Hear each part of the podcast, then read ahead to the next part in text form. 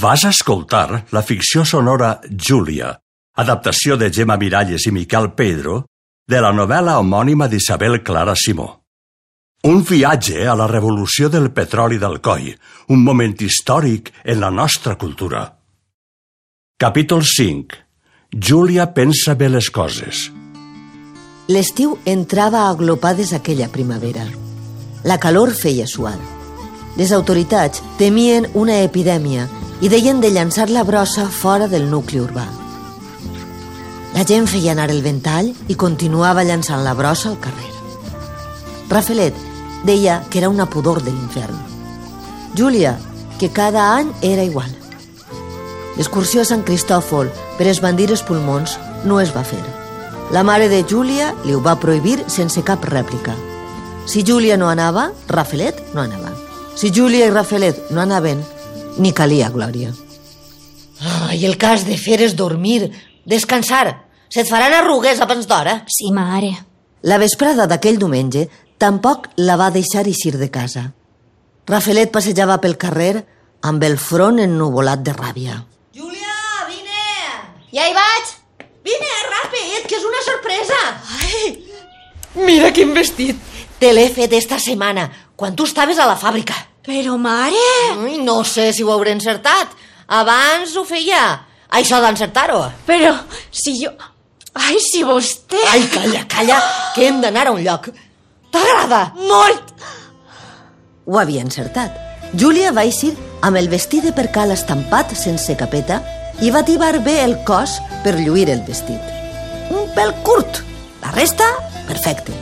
Van enfilar el carrer de Sant Antoni i es van parar davant el número 1. Qui diu? A ma mare havia jo d'interrogar-la. Vols callar? No és ta mare qui et porta? El senyoret les espera. Van entrar per un passadís cap a la sala, on hi havia una llar apagada i quadres foscos penjats. Hi havia un regle de cadires entapissades de vellut vermell, adossades a les parets. Davant de la llar, un sofà, folrat de la mateixa tela i del mateix color. El senyor Romeu es va alçar. Volen seure? A Júlia el cap li rodava. La mare parlava i parlava amb una confiança de tota la vida i el senyoret... Ha de ser la primavera que ve. He de guardar un any de dol. Serà una boda discreta, com correspon a un viudo. Anirem a Sant Jordi, de bon matinet. L'estiu el passarem a Atzeneta, que hi tinc una finca. Quan tornem, ja no se'n parlarà. I els seus fills, senyora Josep? El gran ja li he escrit. No dirà res. Pel que fa a Miquel, això ja és diferent. Li'n vaig parlar a nit, en esta mateixa habitació, quan la meva sogra se n'havia anat a dormir.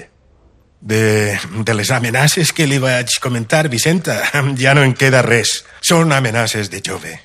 Exageracions de joventut. No ho veu bé, d'acord, però és la meua vida. I si no... Eh, si no... En fi, si no hi ha descendència del segon matrimoni, les coses quedaran quasi com abans. En compte de dos a repartir, seran tres. I com que si haguera viscut sa mare, el cel siga, també farien tres parts. No pot queixar-se ningú. Però Júlia està a la flor de la vida i tant que parirà almenys una dotzena de romeuets. No faça broma, Vicenta, no faça broma. Perquè este matí he parlat amb la mare. La que li fa de mare, vol dir. Sí, però amb tots els drets de ser mare de la meua dona i, per tant, qui la representa. I què ha dit, senyoret? Que ningú no em pot privar de fer el que vulga. Però que compte amb els fills, eh, que jo un dia faltaré i deixaria una guerra encetada. Això són barbaritats. Ah, Si ho pensa bé, no són tan de barbaritats. Però vostè, Jo no puc fer res que vaja contra la meva consciència. I la Santa Mare Església donaria per nul un matrimoni que tinguera certes condicions. Ara bé, el que no puc impedir és que Júlia parle amb ma mare. En tota l'estona, Júlia, que de la sorpresa havia quedat amb la llengua paralitzada, no havia fet altre moviment que anar girant el coll de la mare al senyoret i del senyoret a la mare. Les coses que sentia les mirava d'entendre com si es tractara d'una altra persona. És delicat parlar d'això ara. I davant d'una xica innocent... Ho sé, ho sé. Però hem de parlar. No jo, que això són coses de dones. Júlia, ha- has entès de què parlem? No, no li hem parlat encara, senyoret. La sorpresa l'ha deixat gelada. Però jo vull saber. És necessari que arribem a algun acord ara mateix, perquè esta nit la família eh, farem consell. És més, la mare m'ha dit que quan hi hagi parlat que l'avisem, que vindrà a conèixer a Júlia. Jo tinc promès. Es va fer un silenci dens i pesat, com un migdia d'agost. Júlia, ruboritzada, mirava les puntes del brial. Quan va alçar el cap, els ulls li resplendien, però els llavis estaven iniciant un somriure. Accepte. Sí, senyoret.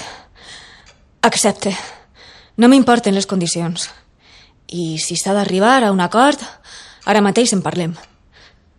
Em casa amb vostè. A la primavera. No li ho havia dit, senyoret. El cabé d'esta xicona no ha parat de pegar voltes des de que vostè li va parlar. Accepta totes les condicions? Totes. I està d'acord, Vicenta? D'acord? I contenta. Però s'ha de parlar de detalls que queden pendents. En parlarem. Júlia deixa la fàbrica des de demà. Això no. Quan ens hagem...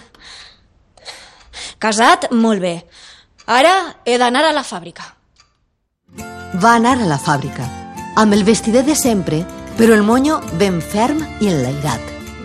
Portava només, per senyal del que havia passat, una mena de transparència al rostre que no era palidesa ni alegria, sinó com si la pell s'haguera fet més prima, més subtil. A l'hora de dinar no se li va acostar cap companya, ni Glòria, que feia la distreta amb Dora. Ella es va quedar arran de porta, mastegant silenciosa.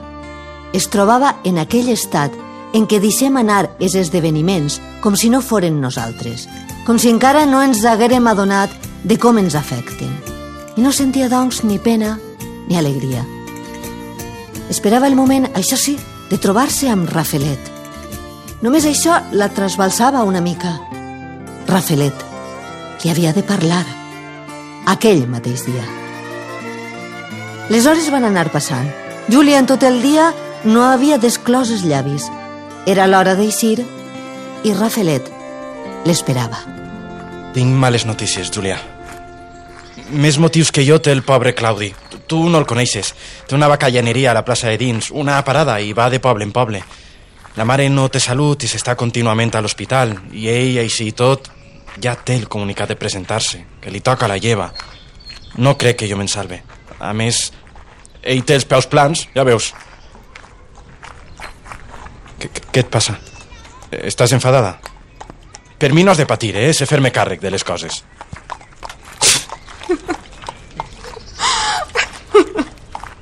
Júlia va esclatar a riure, amb rialles sonores, vinclant la cintura cap endavant. Era un riure sonor, nerviós, mig histèric.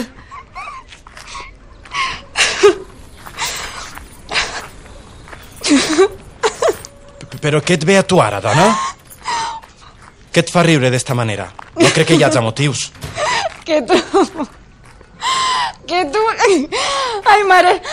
Ai, mare, que no puc més. Ai, que em trenque. De sobte, igual que havia començat, va parar en sec. I va quedar amb les forces perdudes i les mans penjant dret a la vorera. Júlia. Què tens, Júlia? Em reia del que has dit. Que saps fer-te càrrec de les coses. Et fa riure que jo diga que em faig càrrec de les coses? Em pensa que això ho he demostrat més d'una volta. Ara Júlia el mirava, amb la seua cara nova, que s'havia fet transparent, i amb uns ulls que no tenien mirada. Què et passa? Tot el que et passi a tu és com si em passara a mi. Saps que et vull més que... més... Et vull. Sabràs fer-te càrrec quan em case amb l'amo?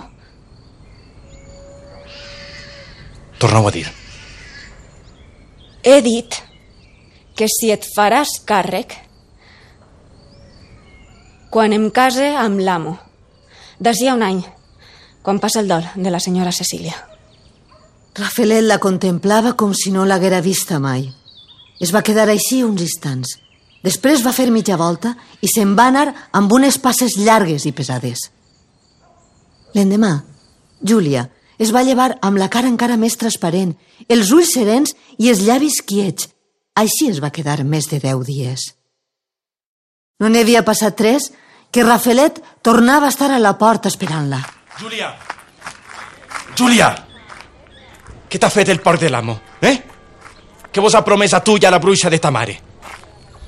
Que et cases amb ell. No deu ser més prompte que t'hi ajuntes? Això és cosa de ta mare, però, però això no queda així, eh? Vosaltres no em coneixeu a mi. De manera que et cases amb el senyor Josep, que fa pocs dies enterrava la seva dona. Primer, que no m'ho crec. I segon, que no em dóna la gana.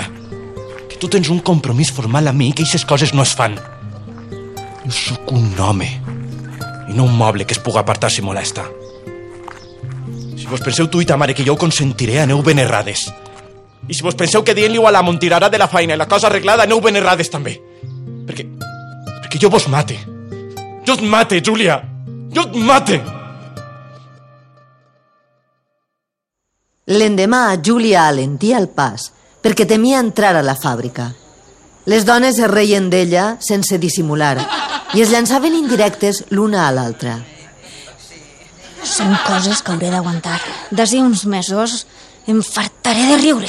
Al migdia les dones reien encara més i de sobte es va enfilar una cançó. Júlia va perdre la gana i es va quedar pansida, escoltant per no perdre una síl·laba. No n'hi ha cosa pitjor que casar-se pels diners. Josep Romeu és beató i la nòvia espiritista encara no s'han casat i ja l'ha fet anar a missa. La sang va començar a córrer per dins del seu cos, amunt i avall, amunt i avall. El dinar el portava la Carmanyola, li va caure sobre la falda i anava escampant lentament una taca oliosa. Júlia agafa la mantilla i cap a l'església va. Enca no entra a la parròquia que troba el seu no pensar. No plorava la Júlia, però sentia tanmateix una cremor a les ninetes com si anaren a rebentar. Vaig regalar-te cadenes i un anell de molt valor. Ara vinc perquè me'n tornes que vull disfrutar-ho jo. Era tota la fàbrica, tota la nau de dones. Quantes voltes t'he besat en la teua habitació. Ara ben m'has enganyat amb un prou més poderós. Mentida, mentida! Ni anell, ni cadenes, ni besos. Això ho podien cantar de qualsevol. Enveja, enveja podrida. Júlia pensava en les coses més deixes a Rafelet, que no hi ha cosa pitjor que casar-se pels diners. Júlia va deixar caure el menjar que surava a la falda i va arrencar a córrer cap al ponent, cap a casa. No va recollir ni bossa ni tapeta.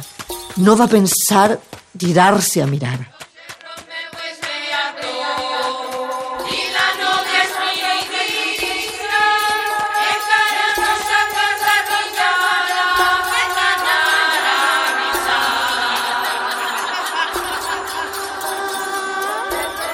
Va arribar a casa sense saber per on havia arribat. S'hi va tancar, amb el pit agitat dels sospirs fondos de la cursa.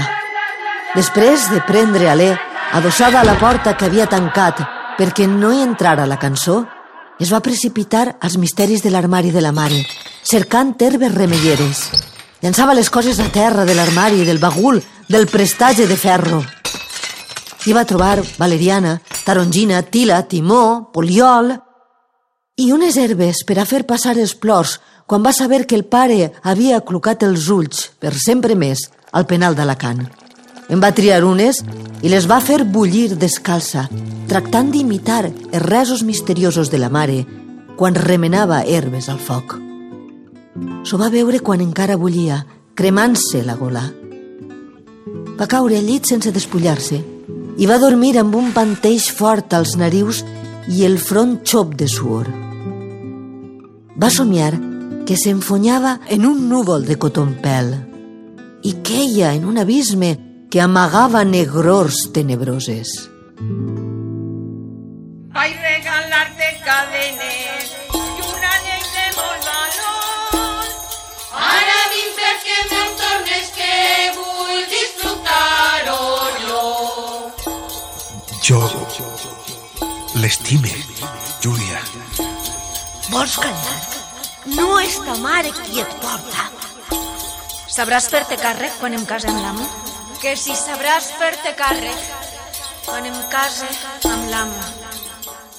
Tu ets la vida, Júlia. Tu ets la vida, Júlia.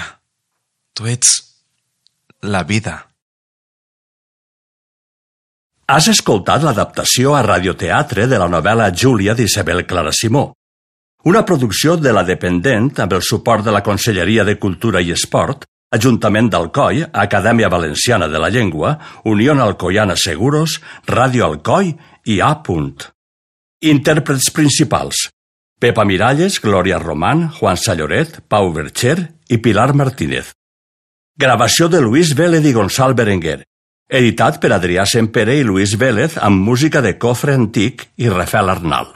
Capítol emès, gràcies al recolzament de la Càtedra Antoni Miró d'Art Contemporani de la Universitat d'Alacant, Edicions Bromera, Centre Cultural Castellut i Col·lectiu Serrella de Banyeres de Mariola.